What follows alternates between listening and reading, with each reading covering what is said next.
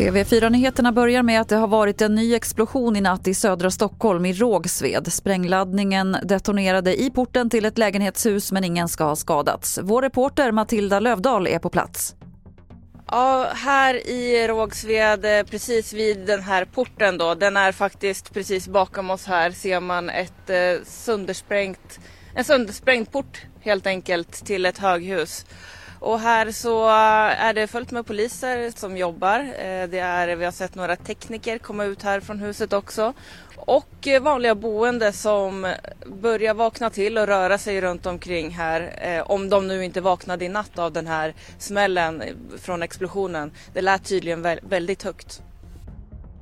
Och polisen säger att det finns en koppling till de sprängningar och skjutningar som varit i Stockholmsområdet den senaste tiden. Och på adressen är en man skriven som dömdes för inblandning i kidnappningen av artisten Einar våren 2020.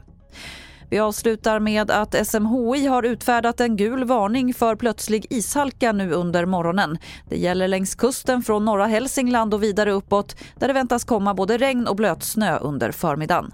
Fler nyheter finns på tv4.se. Jag heter Lotta Wall.